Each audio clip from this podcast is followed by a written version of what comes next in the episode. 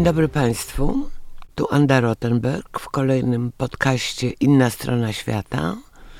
Moją rozmówczynią i gościnią jest dzisiaj pani Halina Radacz, duchowna ewangelicka, która ma wykształcenie kierunkowe na e, Wydziale Teologicznym Chrześcijańskiej Akademii Teologicznej w Warszawie odbyła praktyki w kancelarii biskupa kościoła i w biurze konsystorza. Wszystko mi to pani potem wyjaśni. A pełniła obowiązki kierowniczki domu wczasowego Betania koło Bielska Biały, które jak wiemy jest zagłębiem luteranizmu. Była katechetką w Sopocie. Została ordynowana na diakonkę kościele Jezusa Żyjącego w Lidzbarku w styczniu 1987 roku. Następnie z ramienia Polskiej Rady Ekumenicznej działała w redakcji ekumenicznej telewizji polskiej. Od tego samego roku pełniła służbę duszpasterską w, par w parafii w Żyrardowie. Od 2014 roku jest również duchowną parafii ewangelicko-augsburskiej w Rawie Mazowieckiej, a 7 maja została pierwszą kobietą w kościele ewangelicko-augsburskim ordynowaną na księdza. Czym się różni służba duszpasterska od bycia księdzem? Tak naprawdę niczym. No ale e, e, jeżeli tak, to tak, się... Dla sprostowania e, no te praktyki, o których tam na początku była mowa, to były tak naprawdę praktyki studenckie jeszcze. E, ponieważ żeby zostać duchownym w kościele, poza tym, że trzeba mieć studia skończone teologiczne, wyższe studia teologiczne, e, trzeba odbyć praktyki, poznać tą codzienną pracę kościoła w różnych jego zakresach. No to, że pełniłam funkcję kierownika domu wczasowego, to jest za dużo powiedziane. Opiekowałam się przez trzy miesiące ty, tym miejscem ponieważ rzeczywiście kierowniczka była wtedy na zwolnieniu lekarskim, ale to taki był epizod. A to była opieka duchowna? Nie, nie, nie, nie, nie. To było po prostu bycie, pilnowanie, prowadzenie jakieś Ojej. Tam. Ale e, praca duszpasterska tak naprawdę zaczęła mi się po studiach. E, najpierw e, w parafii w Sopocie, ponieważ pochodzę z Gdańska, to była moja rodzinna parafia i tam znalazłam się zaraz po studiach. E, I to była praca duszpasterska, ponieważ to były odwiedziny, no to były oczywiście też katecheza, lekcje religii z dziećmi, zajęcia z młodzieżą, e, spotkania z, koło, z paniami, koło pań, tak zwane praca kobiet w parafii, tudzież nabożeństwa, już regularno od tamtego czasu. E, potem rzeczywiście... A pani byłam... je prowadziła, te nabożeństwa? Tak, tak, tak, tak, prowadziłam. I później, kiedy przeszłam się na Mazury, to i byłam wtedy to się nazywało wprowadzenie w Urząd Nauczania Kościelnego. Taka była zaszczytna nazwa urzędu. A Urząd Nauczania to nic innego jak Urząd Zwiastowania Bożego Słowa. Bo w Kościele nie ma, nie może być innego nauczania w Kościele jak zwiastowanie Bożego Słowa. I wtedy rzeczywiście już byłam sama w parafii, to znaczy miałam oczywiście szefa, proboszcza nad sobą, który mieszkał 25 km dalej albo 30 km dalej, w zależności od, od momentu mojej służby. Ale rzeczywiście realnie w parafii na miejscu prowadziłam samodzielną pracę duszpasterską, czyli znowuż odwiedziny, spotkania, nabożeństwa, pogrzeby także, co to jest taki najtrudniejszy element tej służby, chociaż wiem, że bardzo potrzebny. I w roku 98 decyzją synodu y, katechetki z wyższym wykształceniem teologicznym, te wprowadzone w Urząd Nauczania Kościelnego, zostały jakby e, decyzją synodu wciągnięte w Urząd Duchownego jako diakonki. Wcześniej prowadziłam duszpasterską pracę. Dla otoczenia byłam pastorem, nieraz prostowałam, ale się zawsze śmiali. No jak to? Nabożeństwa robisz? No robię. Pogrzeby? No robię. No to jesteś ksiądz. Albo pastor. No to zależności. No to tak. Ale to były takie, powiedzmy, nieformalne y, różne rzeczy. Natomiast rzeczywiście w Urząd Duchownego, w posłudze diakona zostałyśmy wprowadzone w 98 roku. Wszystkie, które wcześniej były wprowadzane w ten Urząd Nauczania. E, I po no, wielu latach, bo 7 maja 2022 Drugiego. roku miała miejsce rzeczywiście też decyzją synodu z października rok wcześniej, 21, e, dziewięć pań, które były wcześniej diakonami, zostało ordynowanych na urząd księdza kościoła lutera, luterańskiego, czyli ewangelsko-augsburskiego, bo to jest wymienna nazwa. I co się zmieniło? Zmieniło się to, że stałam się samodzielnym duszpasterzem w mojej parafii. Czyli właściwie od 20 lat robię, tu w Żyrardowie przynajmniej 25, robię to samo, czyli nabożeństwa, służba, odwiedziny, pogrzeby, chrzty, śluby, wszystko, co się wiąże z funkcjonowaniem, z tą codzienną Posługą posługą y, duchownego. Natomiast y, jeżeli wcześniej musiałam mieć męskiego zwierzchnika w osobie księdza proboszcza, to w tej chwili od czerwca tego roku jestem proboszczem parafii y, i właśnie dwóch parafii, bo i w Żardowie i w Rawie Mazowieckiej. I stałam się przez to, że tak powiem, samodzielnym pracownikiem, sługą kościoła, co też się łączyć się z odpowiedzialnością. I chyba to jest ta największa różnica, że z jednej strony się śmieję, nie muszę po podpisy jeździć na różnych ważnych dokumentach i nie muszę pracować na, w relacjach parafia, urząd czy, czy jakieś instytucje na mocy powiedzmy pełnomocnictwa od proboszcza. E, To jest na pewno poczucie odpowiedzialności, że w tym momencie oczywiście zawsze mogę liczyć na pomoc moich braci i sióstr w urzędzie, ale jestem za tą parafię, czy za te dwie parafie odpowiedzialna. Czyli po pierwsze różnica jest taka, że nie kończycie seminarium duchownego, tylko E, Muszą być akademię. wyższe studia teologiczne, pięcioletnie, nie może być licencja. druga, bardzo ważna, jest taka, że możecie te funkcje pełnić jako kobiety. No tak. Ale to nie wyczerpuje różnic, Nie. ponieważ nasi słuchacze mogą nie wiedzieć, jaka jest różnica między Kościołem katolickim, ogólnie biorąc, a luterańskim. To bym chciała przybliżyć, o co temu Lutrowi chodziło. Musimy troszkę sięgnąć do historii. Mamy wiek XVI, powiedzmy koniec, Początek. koniec XV. E, Mamy w Wittenberdze zakonnika Marcina Lutra.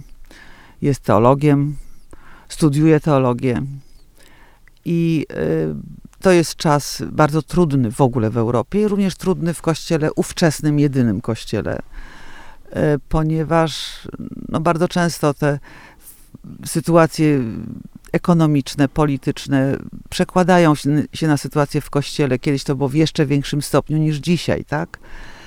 To jest czas, kiedy y, papież kończy bazylikę Jana, y, Piotra i Pawła w Rzymie, brakuje pieniędzy, trzeba je Tylko zdobyć. Piotra. Przepraszam, tylko Piotra, bo tak, to trzeba będzie poprawić. Nie szkodzi. I y, ogłasza kolejne, rozpisuje jakby odpusty, Którymi handluje. którymi handluje, no bo chodzi o zdobycie środków na budowę, na wykończenie. Dziesięciny nie wystarczają. I e, do tego Luter, który jest zwykłym, prostym, skromnym człowiekiem, e, żyje blisko ludzi, bo to no, musiał mieć jakieś takie cechy, że widzi to, co się dzieje wokół niego, widzi biedę, widzi e, dzieci, które nie mają co jeść, ludzi, którzy nie mają e, czym nakarmić rodzinę, gdzie się schronić i tak dalej, i tak dalej. I jednocześnie to odpusty i widzi rozpacz tych ludzi, kiedy ostatnie pieniądze wydają zamiast na chleb dla dziecka, to na e, wykupienie duszy y, czyścowej. I się buntuje. Znaczy buntuje się nie od razu. Tak wiemy, ale to jest długi mamy, proces. nie mamy, mamy, nie mamy tyle czasu, żeby wszystko powiedzieć. Ale czyta Biblię przede wszystkim. Czyta Biblię w Dokładnie. oryginale. I to jest jakby początek w oryginale, czyli w jakim? y, w języku hebrajskim Stary Testament, w języku greckim Nowy Testament. Oczywiście tam są też y, zdania po aramejsku, ale to już jakby pomijam. Tak. Te główne dwa to jest hebrajski i grecki. I kiedy czyta Biblię, To widzi różnicę. no, dostrzega, że to nie wszystko jest tak, jak być powinno. I y, taką zasadą z czasów początku XVI wieku, czyli z czasów reformacji, która do dzisiejszego dnia nie straciła swojej aktualności i ważności, jest właściwie podstawą dla nas bardzo ważną. To jest fragment listu apostoła Pawła do Rzymian. Zbawienie może człowiek otrzymać z Bożej łaski przez wiarę w Jezusa Chrystusa. Czyli Kropka. tylko łaska Boga, tylko wiara w to, że Jezus jest Chrystusem i tylko Słowo Boże jako podstawa tej wiary. I tradycji, i obrządku, i wszystkiego innego. No ale em, przede wszystkim chodziło jednak chyba o to, żeby szerzyć Znaczy, Tę to, się, prawdę to się wszystko w dalej wiąże. języku ojczystym, Bo jeżeli czyli po tylko niemiecku. Słowo Boże, no, lub po polsku, lub po jakiemu tam. Nie, nie, ale u, u Lutra Lutra, chodziło, no to wiadomo. że była na Jeżeli- niemiecki przetłumacz. No tak. Ale w Polsce też nie, niewiele później. Ale to do tego może A, jeszcze uda nam no się tak. jakoś tam dotrzeć. W każdym razie, jeżeli Słowo Boże ma być znane ludziom, muszą wiedzieć w kogo wierzą, dlaczego wierzą, w co wierzą, to muszą to pismo znać. Żeby je znać, muszą potrafić je czytać. Więc tutaj mamy pierwsza rzecz, powrót, to mamy całe odrodzenie. Powrót do ojczystych języków. do źródeł, czyli do ojczystych języków, do y, Biblia musi być tłumaczona na języki ojczyste. Człowiek musi być wykształcony, to jest rozwój szkolnictwa. Reformacja wprowadziła po raz pierwszy obowiązek edukacyjny także dla dziewcząt, No, co też mało i Luter kto... się ożenił. No, Luter się ożenił, zresztą o swojej y, Katarzynie mówi, że jest biskupką jego domu. Ale, ale to jest początek przemian, które y, do dzisiejszego dnia gdzieś tam no, y, widzimy jeszcze. W różnicach, tak, no. w innym podejściu. 500 lat przemian. No, to jest biorą. 500 lat przemian i to jest 500 lat tradycji pewnej, tak? Że to Słowo Boże ma być obecne w moim życiu. To jest, no nie od XVI wieku, ale w ostatnich 100 Stąd latach na nawet pewno. czytania Biblii w domach również. Oczywiście, że tak. Każdy y, młody człowiek, który przystępuje do konfirmacji, czyli potwierdzenia wiary, jako już taki w pełni myślący, bo chrzest mamy dzieci, otrzymuje albo od rodziców, albo od duchownego duszpasterza swojego, otrzymuje Biblię, ale po to, żeby ją czytał. Także y, ufam, że nie ma domu ewangelickiego w Polsce, w którym nie ma Biblii, która bywa czytana. A tylko, że czytacie błogosławieństwo przed posiłkami w domach? Y, W bardzo wielu domach tak. Są modlitwy, znaczy nie czytamy, są krótkie modlitwy przed Znaczy posiłkiem. tak. Y, To, ta tradycja jest w wielu domach zachowana i, i to jest takie, no jakby za każdym razem uświadamiamy sobie też to, że to wszystko, co posiadamy jest z Bożej ręki darem. Wszystko, co posiadamy jest darem. A nazwa augsburskie, Augsburskie. wyznanie, To jest nazwa historyczna i to No ma takie podwójne uzasadnienie. Po pierwsze, w roku 1530 na Sejmie w Augsburgu po raz pierwszy odczytano wyznanie wiary ewangelików, czyli taki pełen zestaw zasad po niemiecku, po łacinie. po łacinie No jednak. to jeszcze wtedy po łacinie. To mamy jeszcze mamy Europę Aha. XVI-wieczną. E, więc to jest odwołanie do, do tamtego wydarzenia, ale jest też drugi powód, dla którego ta nazwa została zachowana, ponieważ w okresie międzywojennym w Polsce było wiele różnych kościołów luterańskich. E, nie powiem teraz, wszystkich nie wyliczę, ale z tego co pamiętam było ich około siedmiu. Natomiast kościół ewangelicko-augsburski, czy ewangelicki wyznania augsburskiego, nawiązując do tego e, właśnie Czyli ta pierwszego, czysta linia luterańska. był- był polskim kościołem luterańskim przed wojną, którego zwierzchnikiem był y, ksiądz biskup Juliusz Burszek, który notabene zginął w Sachsenhausen w obozie koncentracyjnym. Pracowałam przy jego skwerze w Zachęcie. Proszę bardzo. E, więc y, to była ta linia, jakby ten kościół, który stał się spadkobiercą i jakby po wojnie, po II wojnie światowej, luteranizm odrodził się właśnie w tym kościele, który miał tą właśnie polską tradycję tworzenia polskiego kościoła luterańskiego w Polsce. Ale nie mieli łatwo luteranie w Polsce. Nie mieli. To mm, naprawdę Zygmunt I Stary w 1523 roku jeszcze. Znaczy dopiero jeszcze się zaczynało, a on już napisał kto by owe dzieła, czyli pisma, owe dzieła luterskie wprowadzał, sprzedawał, kupował, czytał, albo zasady u lutra głosił, bronił lub pochwalał, aby prócz spalenia samychże książek on także śmiercią na stosie i konfiskatą dóbr wyszukanych ukarany został. na szczęście to prawo nie było y, stosowane. Y, Cały wiek XVI mamy ogromny rozwój reformacji w Polsce. No było, było. Dlatego, Potem że była już kontrreformacja w wieku y, XVI, XVII. To już potem było zupełnie A inaczej. nie, do 14 przywódców refolty gdańskiej No tak. luterańskiej zostało ściętych w Malborku Tak, no w ale 26 roku. 500, Ale 1500. 500. No ale to nie przeszkadzało, że ta reforma tam się rozwinęła I, i faktem jest, że przed wojną w Gdańsku tylko jeden kościół katolicki, Kaplica Królewska. Wiemy. Ale y, dlaczego to mówię? Dlatego, że to było bardzo interesujące, że jego siostrzeniec zaraz po tak zwanym hołdzie pruskim, a nawet przed, przyjął luteranizm jako religię obowiązującą w e, Książ- Prusach książęcych. Prusach książęcych, więc Zygmunt Stary dał mu te Prusy książęce, on rozwiązał zakon i przyjął luteranizm w 1525 roku, bardzo wcześnie. Tak, znaczy to, jest, to są takie historie, o których mało kto wie. Y, Po pierwsze, ja, ja jedno sprostowanie. Religia jest chrześcijańska. Wiemy, Wyznanie jest ewangelickie, czy katolickie, czy prawosławne. To jest nie ta sama religia. To, znaczy ja sprzeciwiam się nazywanie katolicyzmu religią, czy ewangelicyzmu religią. Tak, To tak. jest wyznanie. Religia jest jako taka chrześcijańska. Odnośnie prus książęcych, y, to jest rzecz taka, że oczywiście, e, jak mu było, Albrecht, Al- Hohenzollern. ale Albrecht Hohenzollern, e, złożył hołd pruski w czerwcu 25 roku, 1525. Przy czym pierwsze, pierwsza diecezja ewangelicka została ogłoszona w 24 roku w Królewcu. przez biskupa Polenca. nie, w Królewcu. Nie, bo wcześniej W był Fromborg. we Fromborg. To Fromborg No i okolice. Pierwsze parafie luterańskie na Mazurach dzisiejszych zaczęły powstawać w roku 22, 23, 24. Dlatego Czyli Kopernik Albrecht- się przyjaźnił z Melanchtonem. Tak jest. Dlatego właśnie należy mówić o tym, że Albrecht Hohenzollern przyjął to, co już tam zaczęło być. To nie jest absolutnie to, że on na siłę wprowadził luteranizm w, w Prusach e, wschodnich czy książęcych. On przyjął to, co lud już wprowadził.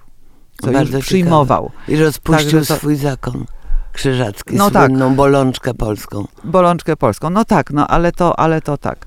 To, przy czym to, co może jeszcze też warto, y, warto y, sobie uświadomić, bo to też mało kto wie o tym, również w początkach, czy w połowie XVI, wie, XVI wieku, y, wydał rzeczony Albrecht porządek kościelny, bo to wszystko trzeba było uregulować.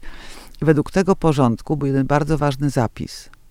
Duchownym w Prusach książęcych, ewangelickim, mógł zostać człowiek, który posługiwał się językiem ludu.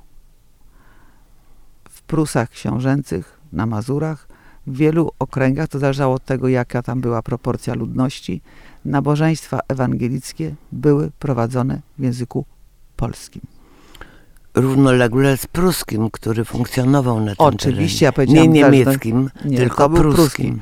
W miastach, tam gdzie był przemysł, gdzie było Tak. szkolnictwo, gdzie była administracja, oczywiście, no to Nie, nie, ja nie mówię, bo język pruski to był język Prusów, czyli ludu bałtyckiego. no, ale to Prusowie to ostatni w XVI wieku zmarł, z tego co ja wiem. Nie, nie, bo ja miałam w rękach słownik niemiecko-pruski wydany w XVIII wieku. O, no to może. To mów, tak mówił lud w dalszym ciągu. I gwarą polską, ponieważ, ponieważ Mazurzy, Tak. to też sobie uświadomić, to są ludzie, którzy z Mazowsza przeszli do Prus, kiedy zostali właśnie rzeczeni Prusowie y, w dużej mierze wy, wycięci w pień przez zakon krzyżacki. To jest bardzo ciekawe, bo my nie doceniamy tych obszarów jako obszarów, które jednak miały wkład w polską kulturę. Oczywiście. Bo też nie wszyscy wiedzą, że Mikołaj Rejzna-Głowic był aktywny. aktywnym. Był też teologiem. Wydał piękną postylę. Reprint został wydrukowany kilka lat temu. E, On był w tej tradycji kalwińskiej. No właśnie, i tu bym chciała, żeby mi pani wtrąciła słowo na temat różnic, bo wyznanie kalwińskie jest e, inne Jednak. Inne, chociaż zasady główne są te same i od również XVI wieku, od ugody sandomierskiej mamy, że tak powiem, wspólnotę ołtarza i kazalnicy, czyli możemy wymiennie Aha. y, udostępniać kościoły, uczestniczyć w nabożeństwach i prowadzić nabożeństwa w obydwu, że tak powiem, obrządkach. Jest różnica, oczywiście kiedyś były te różnice teologiczne trochę większe. Chodziło przede wszystkim o no, predestynację, jeżeli chodzi o kalwinizm i inne rozumienie sakramentu ołtarza. Jeżeli dla luteran e, w sakramencie ołtarza to jest ciało Boże i to jest krew, tak w kościele tradycji kalwińskiej jest akcent na czyńcie to na pamiątkę. To, Mhm. to jest przesunięcie akcentów. Natomiast polski kościół, obecnie nazywany reformowanym, y, trudno nazwać czysto kalwińskim, ponieważ y, w czasach zaborów do tego kościoła dołączyły zbory y, braci czeskich, Zelów, Kleszczów, Kuców, cała ta okolica, gdzie bracia czescy uciekali przed, przed, prześladowaniami z Czech.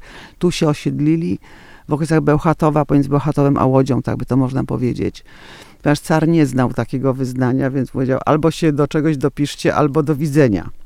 No więc wybrali kościół e, kalwiński, ale też zmienili trochę jego naturę, tak? Jego, jego, dzisiaj mówimy o kościele reformowanym.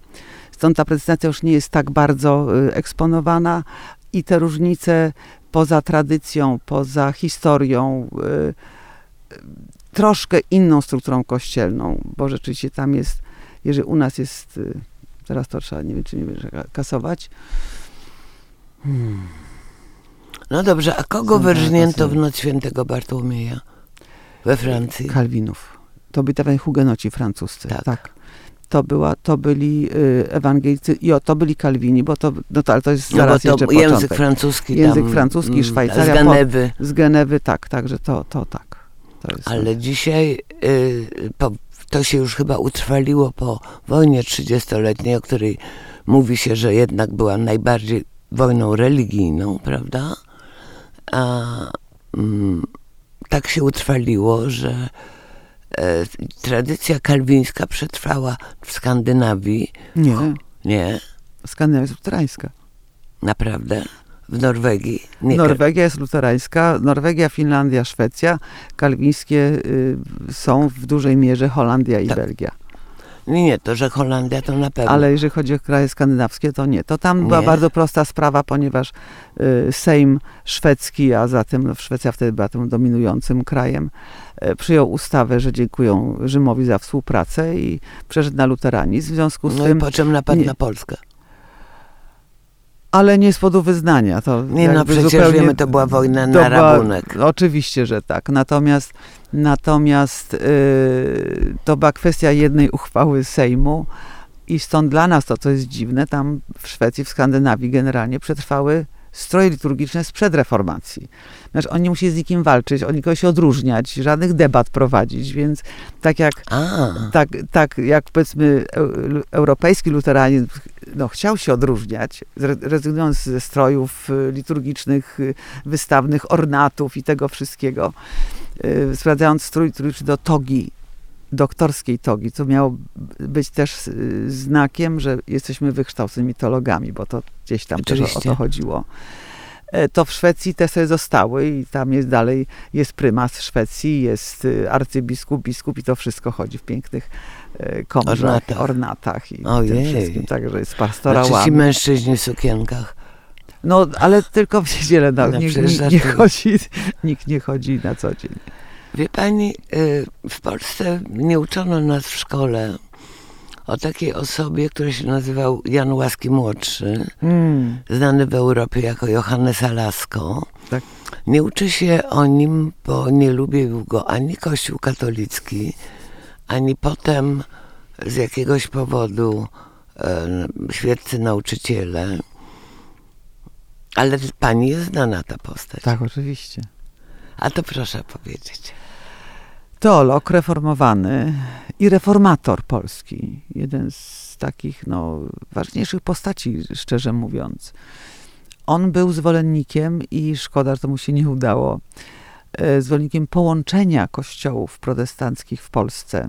właśnie, żeby być jakąś przeciwwagą. E, To też się nie udało. I potem zbudował właśnie w Holandii, właściwie cały Kościół holenderski do dziś funkcjonuje na bazie struktur, jakie on wypracował. E, I Przyjaciel Erasma z Rotterdamu. przyjaciel, i, i twórca bibliotek, i tam osoba bardzo znana i, i bardzo szanowana, u nas trochę zapomniana. Byłam w Emden. W jego bibliotece. No właśnie. E, Także- Postać nadzwyczajna, bo Nadzwyczajna, był doradcą Henryka VIII Tak. przecież. Tak, tak, tak. Współ, I współtworzył też kościół anglikański. anglikański. Tak, No więc mało się o nim wie, tak jak No, o tym, że Rej... tak. E. No powiem tylko, że y, redakcja ekumeniczna dawno temu zrobiła takie filmy dokumentalne właśnie o e, Janie, Janie e, Łaskim Łaskim, młodszym. ale nie są bardzo popularne. Natomiast to nie są jakieś na topie. Natomiast jeżeli chodzi o Mikołaja Reja, e, to, e, to też co, pamiętam e, taką krytykę swojego, nie pamiętam kto, gdzieś, gdzieś to wyczytałem w jakiejś krytyce, ch- chyba jakiejś kościelnej, że Rej był zwolennikiem języka polskiego, bo łaciny nie znał, co nie jest prawdą. Natomiast był zwolennikiem języka polskiego, dlatego, że był ewangelikiem i myślał o tym, żeby lud był czytający, piszący i uczący się i czytający Słowo Boże. Także i jego pieśni religijne nie są takie pozbawione myśli protestanckiej. No i postyla, którą wydał i też taka została zapomniana. Proszę Także powiedzieć, co, to, co to jest postyla po? Apostylla to jest zbiór kazań na każdą niedzielę i święto danego roku. No bo dobrze jest takie rzeczy Tak, wiedzieć. Tak, Tak. tak, tak. tak. No cóż, wie pani, ja gdzieś wyczytałam, że mm, kiedy po swoich ślubach częstochowskich e, złożonych przez Jana Kazimierza, on zabronił po potopie, czy pod koniec potopu, on zabronił praktyk protestanckich w swoim królestwie, czyli w królestwie polskim.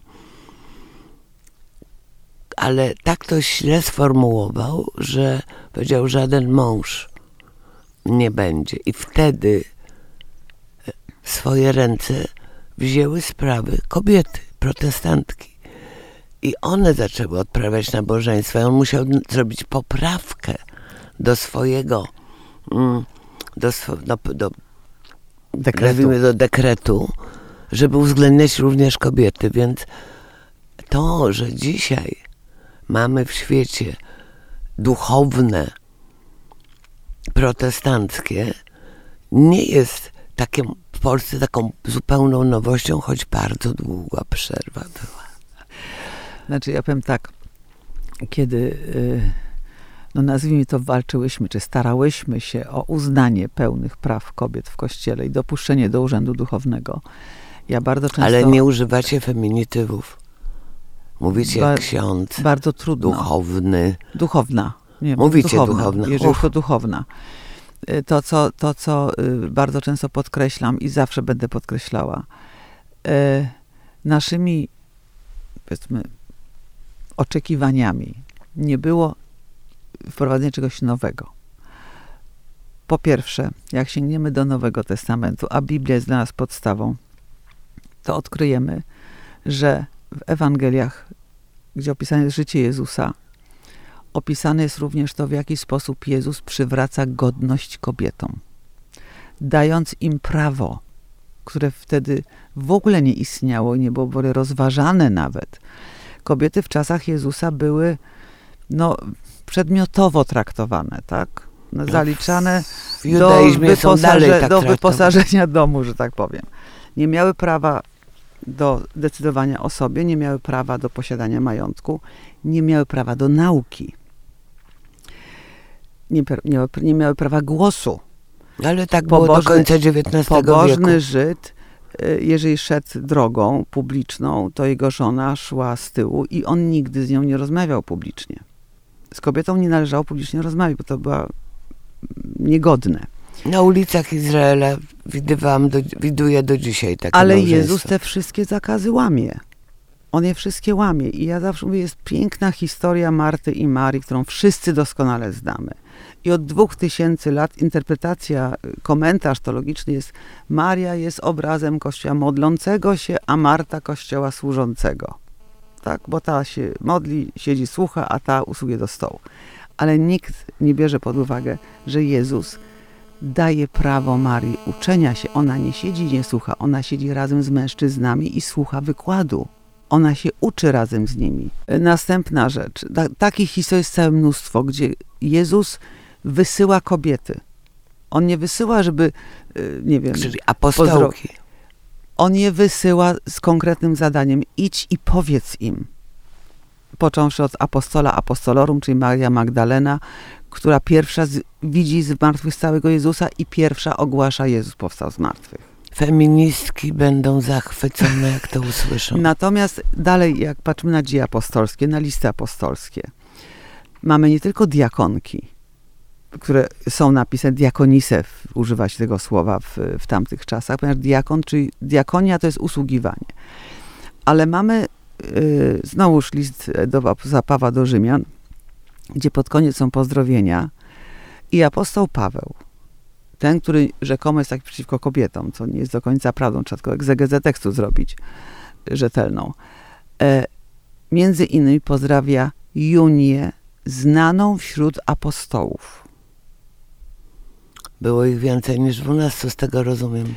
Apostołem nazywany był w tym momencie każdy jakby następca. Wysłaniec. Apostoł, czyli posłaniec. Tak. Czyli y, tak samo nie da się na podstawie tekstu biblijnego ustalić hierarchii kościelnej, ponieważ y, prezbiter, czyli ten starszy, prezbiteros, występuje zamiennie z episkopos.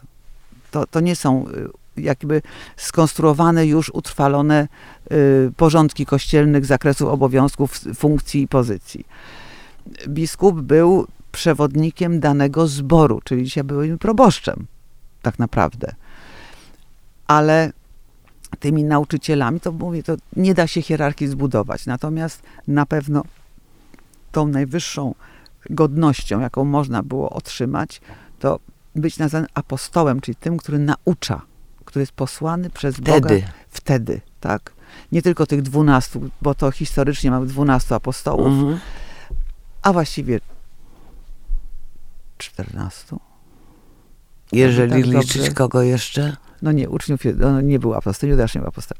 Był uczniem, ale nie był. Uczniów mamy 14. Mamy, mamy Jeszcze Judasza. Judasz też był uczniem, no i potem Barnaba, który wszedł na miejsce e, Judasza. Było ich trochę więcej, no ale to już, to już pomijamy te liczydła. W każdym razie wśród sługów były również kobiety służebnice. Były nie tylko diakonisami, były także apostołkami.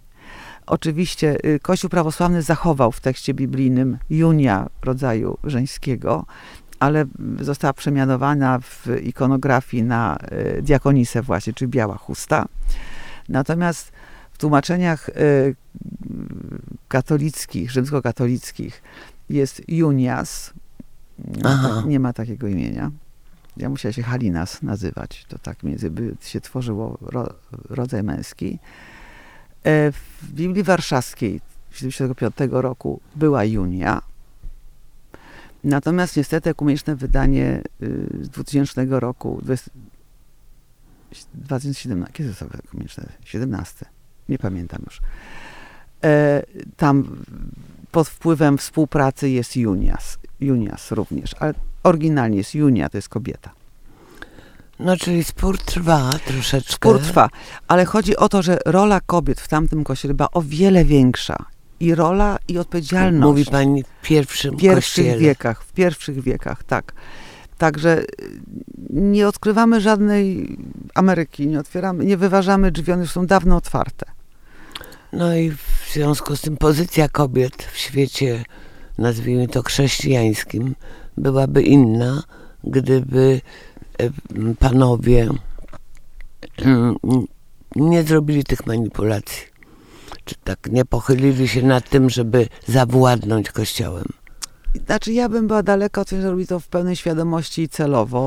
Y, No, Taki tak. był świat, wydawało im się, że robią jedyne słuszne i prawdziwe, ponieważ To taka była ktoś, tradycja. jeżeli ktoś był wychowany w przekonaniu, że kobieta z gruntu jest gorsza i głupsza i mniej y, dostojna i szlachetna, no No, to paru świętych kościelnych utwierdziło lud w tym przekonaniu. No, oczywiście, że tak, ale, ale ja bym raczej y, nie, nie dostrzegała w tym takiego celowego działania niszczenia kobiet, e, tylko takiego właśnie przekazu tradycyjnego i takiego przekazu. To jest tak oczywiste, że nie ma na czym dyskutować. A to nie jest oczywiste oczywiście. Dlatego rozumiem, dosta, została pani laureatką Nagrody Kongresu Kobiet. Ja to rozumiem dzisiaj bardziej niż wcześniej. Proszę Państwa, mamy dziewięć kobiet duchownych, które mają pełne upoważnienie, takie jak ma każdy proboszcz Kościoła katolickiego. Myślę, że to jest po, dopiero początek, bo jeszcze czeka nas e, nie święcenia, tylko e, jak się u was to nazywa, Ordynacja. na biskupa. A, to jest, nie, to już dawno jest księdzem. Y, Wprowadzenie w urząd biskupa, introdukcja. No właśnie, przepraszam, nie święcenia, tylko introdukcja, bo mamy biskupów protestanckich, paru. Jednego nawet znam, tego ze Świdnicy.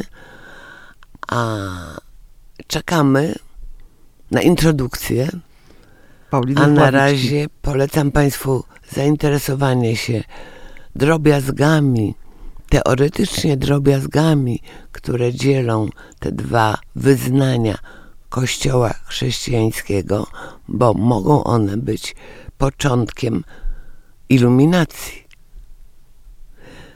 Co powiedziawszy, żegnamy się do następnej audycji. Inna strona świata, Anda Rottenberg i była z nami pani Halina Radacz, proboszcz z Żyrardowa. Dziękuję serdecznie za rozmowę i również do usłyszenia.